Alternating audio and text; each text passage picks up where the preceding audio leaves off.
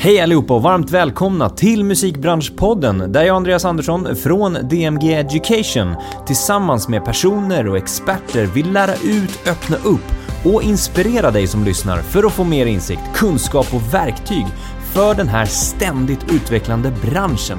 Podden är äntligen tillbaka efter ett litet uppehåll och jag är mer peppad än någonsin att få prata med en massa spännande gäster under hösten och vintern. Vi kommer rivstarta med fantastiska Lina Källgren som gäst.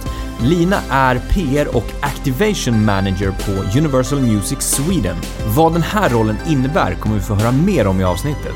Vi pratar om massa spännande ämnen, bland annat arbetet med plattformen TikTok, hur det är att komma in och arbeta som ny i musikbranschen när man har tidigare erfarenhet från andra branscher. Vi går även igenom viktiga ämnen såsom att trivas på sitt arbete, hur företag kan jobba med employer branding, inkludering, mångfald och hur vi kan arbeta för att höja nivån av kunskap och kompetens i musikbranschen. Det här och mycket, mycket mer. Jag är supertaggad. Välkomna!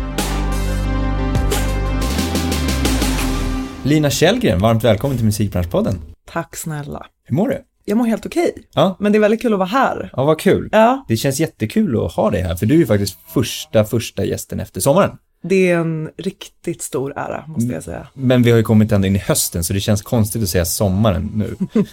Ehm, vi pratade om det här med ljudkvalitet. Ja, Ja. och eh, man kan spela in på eh, digitala kanaler, i Zoom och sådana saker som vi har gjort under sommaren och hösten. Eller sommaren och våren mm. framförallt. Och nu är vi äntligen här och har en tyst och härlig stund framför oss.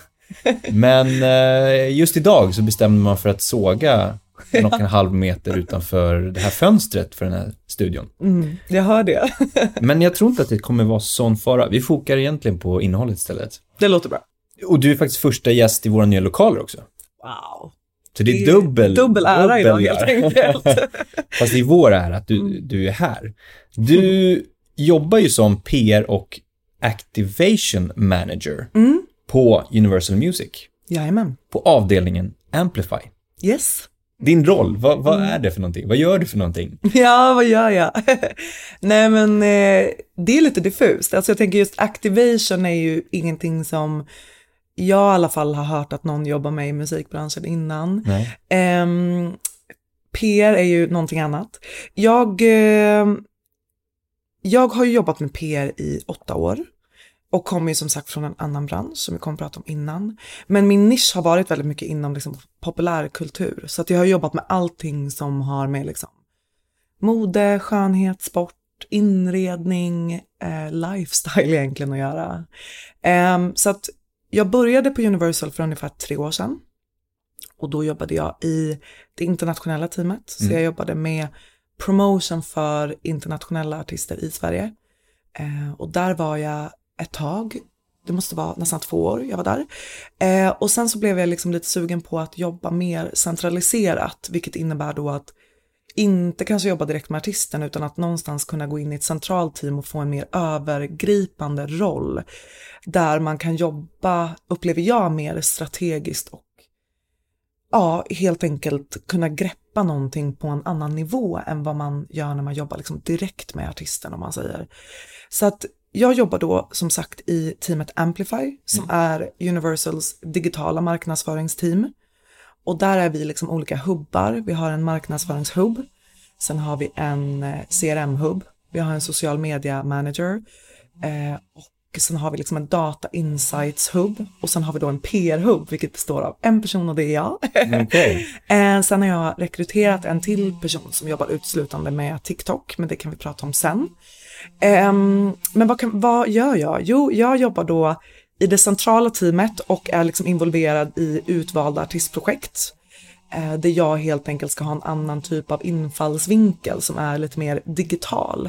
Alltså vad man kan kalla en icke-traditionell promotion-roll, kallade vi det först. Och sen var vi tvungna att döpa det någon, till någonting och då blev det liksom PR and activation. Mm. Ehm, så att jag jobbar väldigt projektbaserat, lite som jag nämnde till dig innan. Mm. Men också parallellt väldigt i liksom artistprojekten också. Så att det är lite diffust. Jag tänker att jag ska kunna förklara det på ett bättre sätt ju längre in i samtalet vi kommer. Ja, ja men precis. Eh, men så att för att förstå liksom lite hur eh, företagssetupen ser ut så Mm. kan man säga att vi har tre olika team som jobbar direkt med artisten.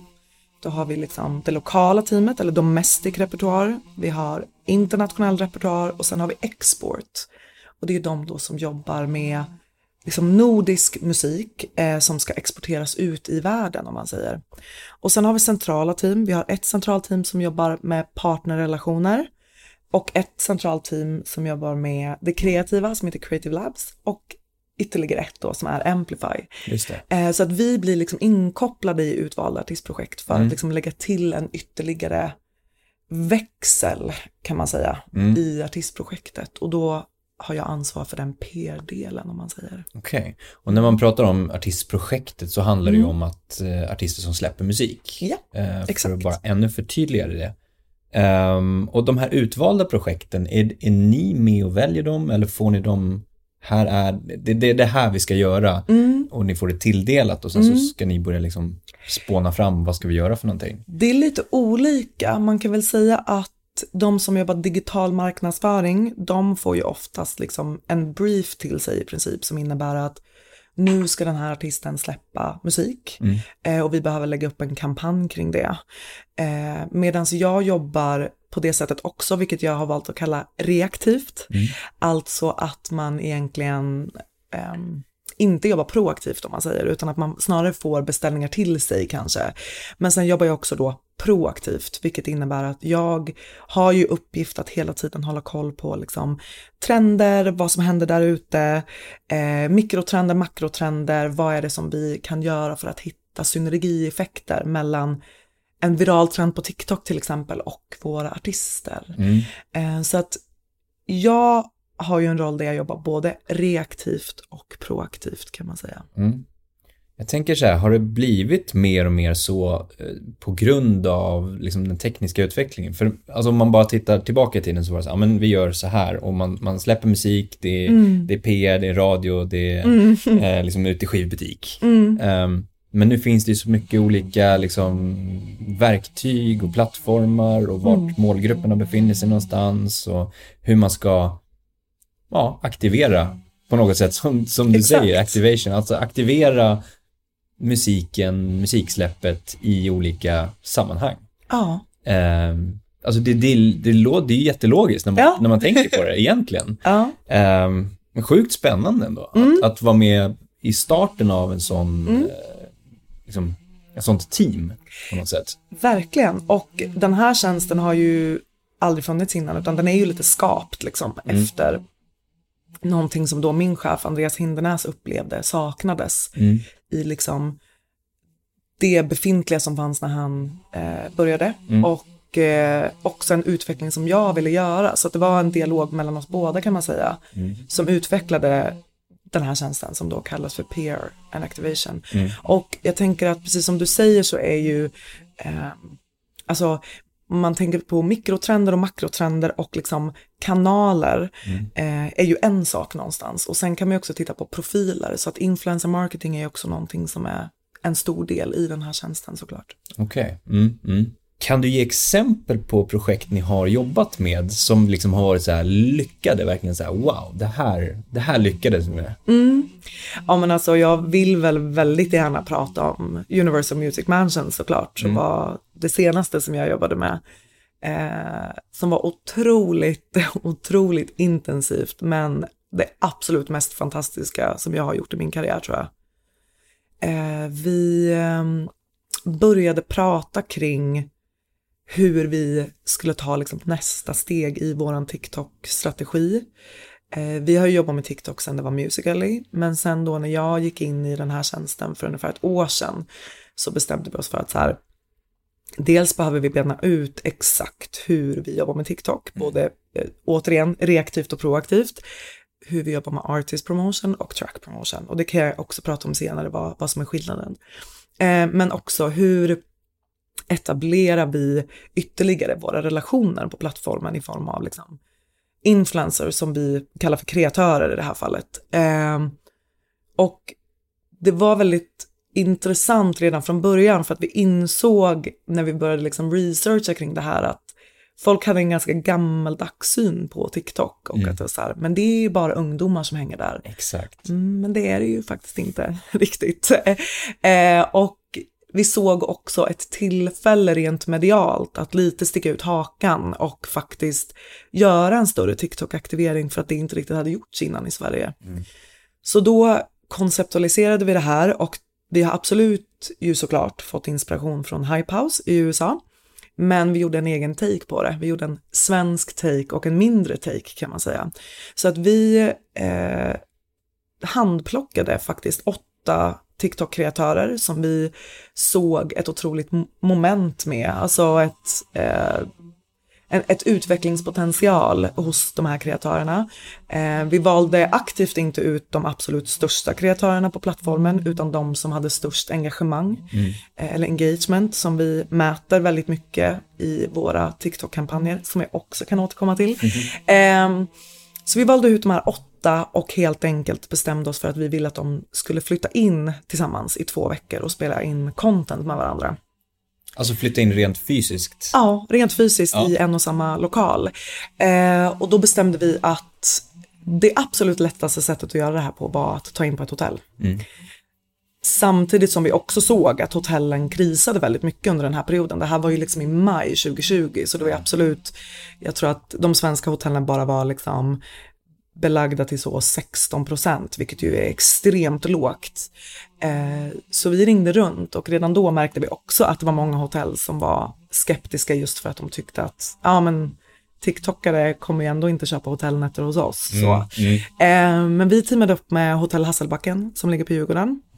Eh, och helt enkelt flyttade in kreatörer där, i olika rum givetvis, eh, under två veckor, mellan den 12 och den 26 augusti. Och så spelade vi in otroligt mycket content. Vi hade två till tre aktiviteter varje dag under de här två veckorna som skulle vara liksom content-friendly aktiviteter där kreatörerna helt enkelt skulle eh, göra massa olika saker med varandra som skulle ligga till en bra grund för att skapa deras content helt enkelt. Så att eh, det blev otroligt framgångsrikt och jag tror att vår hashtag är uppe i så 19 miljoner views nu. Oj. ja, Wow, det är Eh. jättebra. Mm, det är verkligen super och vi fick ihop sammanlagt av de här kreatörerna nästan 90 videos, varav alla videos hade ju låtar från oss. Mm.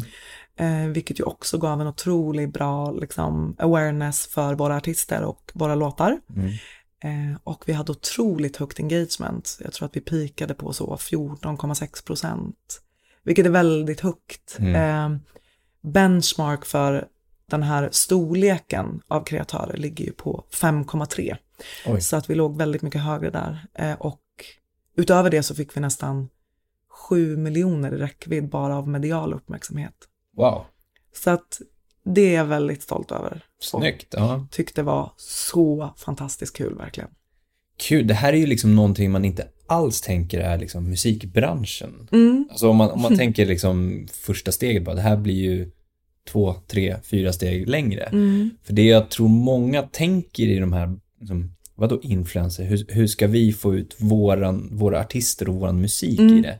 Men då blir det ju som ett, eh, alltså det, det, det, fokuset är ju videosarna, alltså Ja. content som, som skapades där av de kreatörerna. Mm. Det indirekta blir ju då musiken, eller hur? Ja, så kan man väl säga, men samtidigt så hade ju alla de här videorna eh, en låt i så att säga. Och Ja. Vissa byggde ju liksom videon utifrån låten Okej, eh, mm. och vissa gjorde en video och la på en låt till exempel. Ja. Men det är ju exponeringen man vill åt och Precis. sen i det förlängda loppen också ökningen av UGCs för låten, alltså user, generated content. Precis. Eh, så att den spillover-effekten, det är ju lite det man vill åt så att säga. Mm. Har ni kunnat mäta någonting av liksom Mm. effekterna av det här i, inte vet jag, streams eller Mm. fler följare eller något sånt hos artisterna? Absolut, alltså just streams är ju aningen så lite svårare i och med att man inte vet exakt vad det är som gör att en låt streamas mer eller, in, eller mindre egentligen. Eh, men det som vi har mätt är absolut att vi har sett superpeaks i liksom ökningar på artistsök. Mm. Eh, ökningar av att låten då har adderats i privata spellistor. Mm. Eh, vi har sett ökningar i liksom låtsök. Eh, vi har sett ökningar i UGCs, som sagt, user generated content. Eh, och det ser man ju väldigt direkt på liksom, TikTok. Det är ganska lätt att läsa av att Mm. när man går in på en låt så kan man se hur många gånger den används till exempel. Så att där såg vi otroligt tydliga peaks, eh, vilket ju är helt fantastiskt. Mm. Och vi har väl ett, ett liksom best practice exempel med en låt som heter Fanta med en artist som heter Pabi.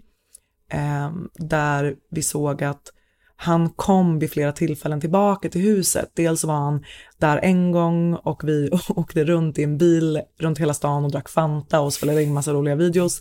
Och sen kom han tillbaka och också spelade live och verkligen etablerade en relation med kreatörerna.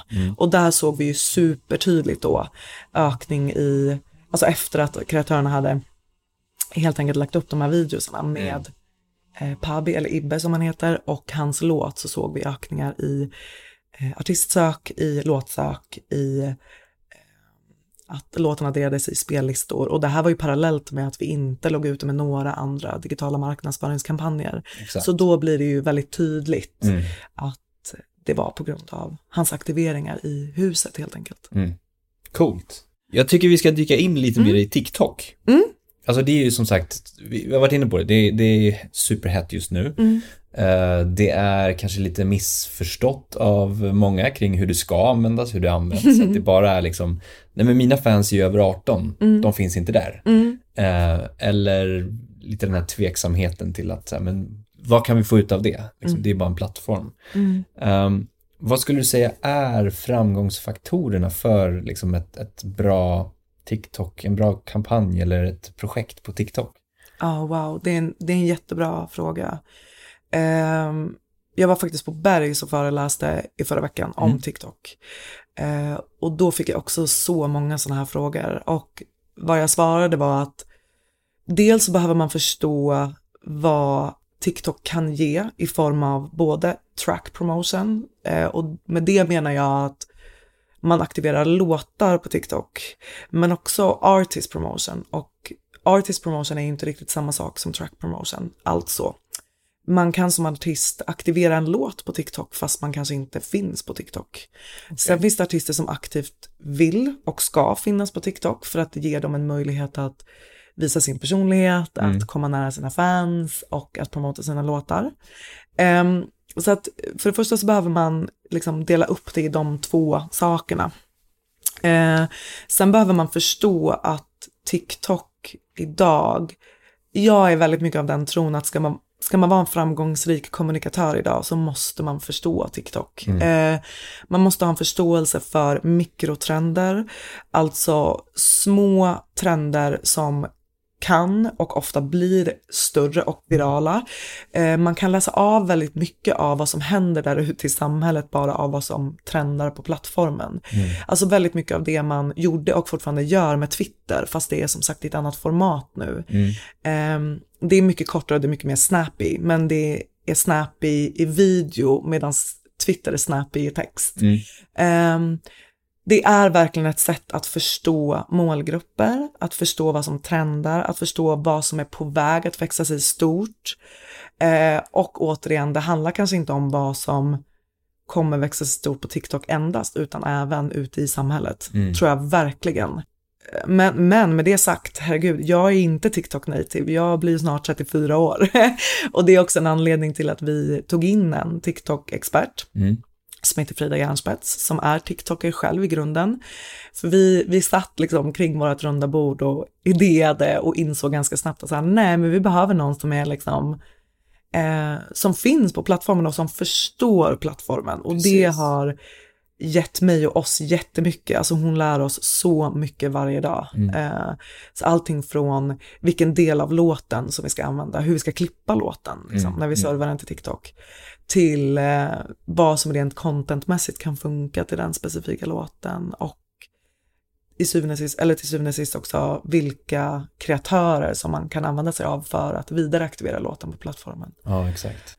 Jag förstår med en sån ödmjukhet verkligen att TikTok kan uppfattas som svårt och komplext. Men om man bara liksom ger sig in där och hänger runt i upptäckarflödet och For you-page så kan man lära sig så himla mycket. Och sen banar ju tiden iväg ganska snabbt oftast också. Så att man kanske ska ha någon begränsning och inte sitta i så tre timmar per dag som jag absolut har gjort i perioder. Men eh, jag tror absolut att TikTok är någonting som man behöver sätta tänderna i 2020 om man ska vara en framgångsrik kreatör. Eller kommunikatör. Ja, precis.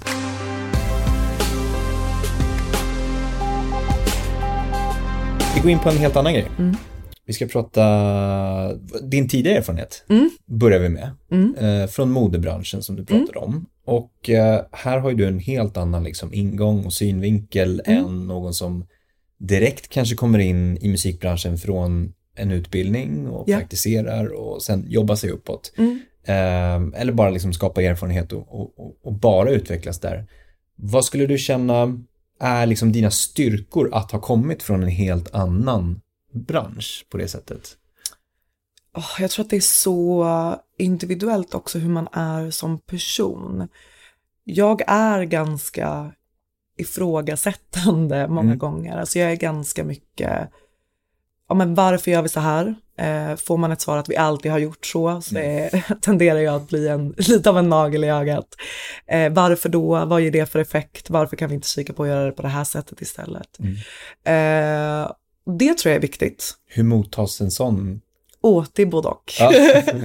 det beror på vart man är. Ja, men det beror verkligen på vad man är och jag har väl eh, stött på olika. Alltså, jag har en, liksom, en otroligt bra chef i det fallet som är väldigt så, liksom, encouraging. Att så här, ja men gud absolut, vi kan testa. Och jag tror att det är liksom verkligen framgången. Att så här, våga sätta sina erfarenheter åt sidan och faktiskt testa nya saker. Och att bättre att testa mer än för lite.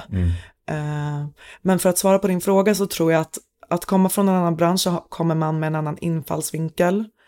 Eh, man vet ju hur det har varit tidigare, eller hur den erfarenheten som man kommer in med liksom. Eh, så att man kan vara ifrågasättande på ett annat sätt. Eh, man kommer med en annan infallsvinkel som sagt. Eh, och det tror jag är otroligt givande. Och jag upplever musikbranschen som en ganska stängd bransch till mångt och mycket. Så att jag, när jag började för tre år sedan så, så är, är jag övertygad om att in, den infallsvinkeln som jag kom med var, behövdes verkligen och än idag gör. Och när du väl liksom började arbeta och, och förverkligades de här eh, förväntningarna eller var det mer någonting som bara oj, vad hände här? Eh, och gud, både och. Jag hade liksom en, lite av en sån eh, eh, honeymoon face tror jag. Eh, I början, där jag bara kände mig så nykär i mitt nya arbete och gick runt och svävade på moln och tyckte att det var helt fantastiskt att som sagt få jobba med den här produkten men också att få jobba med artister och personer som brinner så mycket för musik. Alltså det är ju det absolut bästa med att få jobba med det som jag gör än idag. Eh, men jag mötte absolut eh, vissa typer av inställningar och kulturer som jag inte var helt beredd på. Eh, jag mötte mycket prestige, mm, eh, mycket tacksamhet, alltså att man ska vara tacksam för att man får jobba med det man gör, eh, vilket jag absolut är, men till en viss gräns. Eh, så att, ja men prestigen framför allt och otroligt liksom brist på mångfald. Det var väl egentligen de tre grejerna som jag märkte ganska fort. Hur tacklar man det då? Ja, hur tacklar man det? Det är ju svårt, alltså. Alltså jag tänker med hur du tacklade Ja. den liksom prestige eh, om vi kan kalla det för det, eller Ja, men jag hade ju väldigt lite prestige. Hon kom ändå in med väldigt mycket ödmjukhet, vilket är någonting som jag tycker är väldigt viktigt. Eh, liksom i en del av mig, men också i mitt yrkesliv att ha. Eh, jag triggades av det, men jag triggades av det på ett positivt sätt. Jag kände verkligen att så här, jag vill vara en del av den här förändringen. Jag, vill, eh, jag vill utveckla det här framåt. Eh, vilket var skitspännande. Så jag triggades av det på ett positivt sätt skulle jag säga. Men, men det här med, vad, vad kommer, vad tror du att den kommer ifrån, den här tacksamhets... Eller prestige-delen att säga, du ska fan vara glad att du får jobba med musik. Ja, men ja, det är så svårt att säga. Det här är bara spekulationer Ja, för ja, mig. precis. Men jag tänker att det kanske har att göra med att vi jobbar med stora artister Ja. eh, som eh, folk ser upp till och att eh, man menar på att i och med det då så ska man känna sig tacksam för att man får vara en del av det communityt liksom. Ja, ja. Eh, vilket känns ju helt banalt. Men eh, eh, det tror jag väl kanske att det grundar sig mycket i. Men sen är det ju så att jobba med liksom ett yrke som är väldigt intressefokuserat, alltså någonting som man brinner för. Och det kände jag mycket i modebranschen också, att det var ju lite av det där också, absolut, att man ska vara tacksam liksom.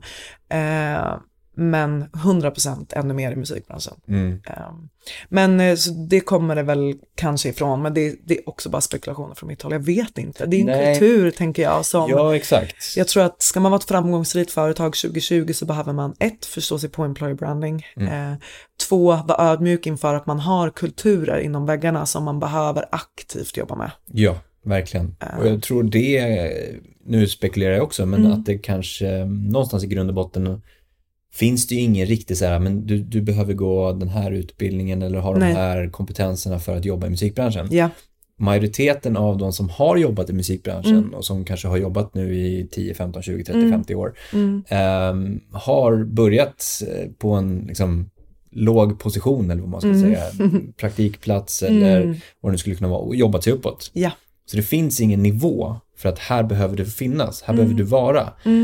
Och där någonstans att, ja, men då tar vi in, alltså du ska vara tacksam för att, eh, Mm. att, att du får chansen. verkligen. Och så får du växa här. Ja, Men att idag så kan du ju som du säger komma från en helt annan bransch, mm, eh, vilket är ganska vanligt, Mm. med tydliga erfarenheter, med hög kompetens inom någonting som verkligen behövs i det här bolaget. ja, Då, bör, då behöver vi ju den här eh, tacksamhetsbiten eh, suddas ut helt och hållet. verkligen. För att du bidrar ju med någonting mer än, Mm. än, än liksom det, det som finns i väggarna, om Mm, man säger så. verkligen. Ehm, men det handlar väl om ledning. Alltså jag tänker ledning av bolag, Absolut. styrelser, direktiv. Alltså verkligen 100% det. Och jag tror att du har helt rätt i det du säger verkligen. Att det är lite därifrån tacksamheten kommer. Eh, men jag menar det måste vi ta och greppa nu liksom. Absolut, och, och, och komma över lite på något sätt. Eh, och förstå att vi behöver olika typer av människor från olika kulturer. Alltså, och olika bakgrunder, olika erfarenheter för att vara ett framgångsrikt företag idag. Mm. Det är, jag upplevde liksom ändå en ganska hård kultur eh, när jag började. Eh, och jag försökte hela tiden blicka tillbaka till att så här, men jag, jag har hemma här liksom. Jag har ju fått den här tjänsten av en anledning Mm. och jag tillför någonting annat. Och det tror jag är jätteviktigt att ha med sig när man börjar som ny i en bransch, liksom, men också som ny generellt på ett arbete. Liksom. Mm. Ehm, och jag tror vi har ju pratat om det innan du och jag, det här med att göra sina hundår, det är Mm. ju någonting som jag vill att vi suddar bort helt och hållet och inte ens använder det begreppet, för det, det känns så gammaldags och Mm. det måste vi vara förbi idag. Eh, och att det handlar om att man som arbetsgivare också måste eh, vara ödmjuk inför de anställda man har och ge dem en möjlighet att få kompetensutveckling till exempel och ha en förståelse för att man kan inte kunna allting från början. Det innebär inte att man ska jobba 12 timmar om dagen för att lära sig det, utan då måste man som arbetsgivare ta ansvar för att vara en del i den kompetensutvecklingen. Ehm, och ehm, man måste nog också som arbetsgivare vara väldigt tydlig med att, eller snarare hjälpa den anställda att sätta sina gränser. Man pratar Mm. mycket om du måste lära dig att sätta dina gränser. Och det måste man absolut som individ och arbetsgivare, men man måste hjälpa Ja. arbetstagaren med det Mm. som företag också, tror Mm. jag verkligen. Men hur, och, och hela det arbetet då med inkludering, hur, eh, hur ser arbetet ut där framåt, tror du? Och jag Eller tror vad att det, vi göra? åh, det, vi har så mycket att göra Mm. i musikbranschen, i samhället, eh, i alla branscher. Det, är det finns så mycket att göra och jag, eh, vi jobbar ju väldigt aktivt med det här på Universal just nu tillsammans med Alavast då som sagt. Eh, och vi jobbar på otroligt många olika fronter. Eh, jag har några saker som jag verkligen kan tipsa om, som jag tycker att här, man som bolag i musikbranschen bör ha som en del i sitt arbete idag. För det första behöver man checka sig själv. Man behöver titta på hur det ser ut på bolaget, hur ser det ut i ledningsgruppen, hur ser det ut i vår personalstyrka och fundera på eh, hur vi ska kunna attrahera artister att signa hos oss när de inte har någon att identifiera sig med på Exakt. bolaget. Det är jätteviktigt. Mm. Eh, vi behöver fundera på hur, eh, hur värt det egentligen är att bara jobba låtar som med målet att de ska komma in topp 50. Eh, kan vi bredda vårt tankesätt där? Eh, jag tror verkligen att så här, om vi kan nå en ny publik så kan vi nå så många andra typer av personer som vill jobba hos oss. Vi kan nå nya inkomstkällor rent krasst också. Mm. Eh, sen behöver vi också fundera på att hur vi rekryterar. Det är väldigt lätt att gå till liksom, utbildningarna, alltså som jag blev ju, jag har gått på Bergs och då tittar man mycket på vilka är det som har gått där eller vilka har gått på de olika reklamskolorna, vilka har gått på olika musikskolor och så vidare. Eh, och hur ser mångfalden ut där? Man kanske inte alltid kan ta den lättaste, mest okomplicerade vägen ut, utan ibland kanske man faktiskt behöver liksom titta utanför utbildningarna. Hur kan vi faktiskt attrahera folk som som bor i andra typer av områden och har andra, ah, kan inte prata, etniciteter, etniciteter och, eh, men också klass. Mm. Eh, jag tycker 100% att vi som bransch måste prata om hur vi kan eh, helt enkelt utesluta obetald praktik. Mm. Jag är väldigt mycket av den tron. Vi måste prata om hur vi kan, hur vi ska göra för att ställa de kraven vi kan på bolagen i branschen om att bara erbjuda betald praktik. Mm. För då kan vi verkligen attrahera, attrahera andra liksom, etniciteter och mm. andra klasser. Folk har ju liksom inte råd att jobba gratis. Vem har det idag liksom? Mm. mm. Så det tror jag är jätteviktigt.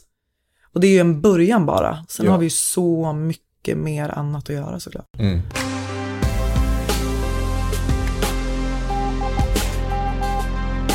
Ska ta och binda ihop lite grann. Ja. Och gå in på lite mer tips, konkreta mm. tips som du har haft superbra tips genom hela avsnittet, måste jag säga. Tack. Och tankar. Eh, men om vi går till någon som är ny i branschen. Mm. Eh, vad är dina bästa tips till någon som börjar jobba? Mm. Eh, det är väl dels att försöka hitta, sätta dina egna gränser för ditt eget liksom, välmående. Mm. Eh, att om det är viktigt för dig att till exempel inte behöva svara på sms klockan 23 på kvällen så tycker jag att du ska kartlägga det och adressera det med din närmaste chef. Eh, fundera på vad det är för saker som är viktiga för dig och den här checklistan som vi pratade om. Och var transparent med din chef och var verbal kring det för att det uppskattas bara och det betyder att du tar hand om dig själv eh, och att du värdesätter ditt arbete. Eh, men en annan sak är väl också att om man känner att man Eh, att ens förväntningar var någon annanstans än vad utfallet blev om man säger att man kanske inte blir helt nöjd eh, på den första arbetsplatsen man kommer till eller andra eller tredje eller vad det nu må vara så tycker jag absolut, jag vill verkligen uppmana folk att ifrågasätta. Mm. Eh, för att, att ifrågasätta är någonting bra. Det betyder att vi kommer framåt mm. som företag, som bransch, som team. Eh, men att man även gör det privat också i sitt yrkesliv. Man utvecklas så mycket av att inte bara ta allt för vad det är, utan ifrågasätta och liksom komma med nya förslag och nya tankar. För det finns verkligen inget finare än att vara en del av en förändring. Mm. Eh, både i samhället men också på det bolag man arbetar på. Verkligen.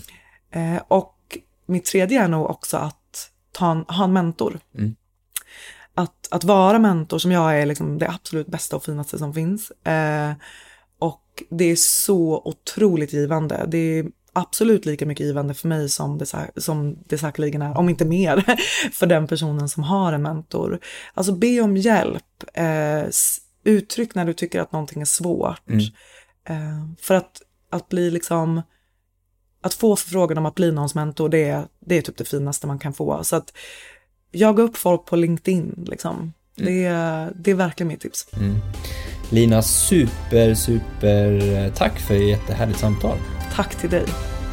Tack för att du har lyssnat på podden som produceras och genomförs av oss på DMG Education, Sveriges ledande utbildningsarena inom musikbranschen. Om du gillar det vi gör, se till att gilla, lämna en kommentar i någon av våra sociala medier, DMG Education. Ta hand om er där ute så ses vi igen nästa avsnitt.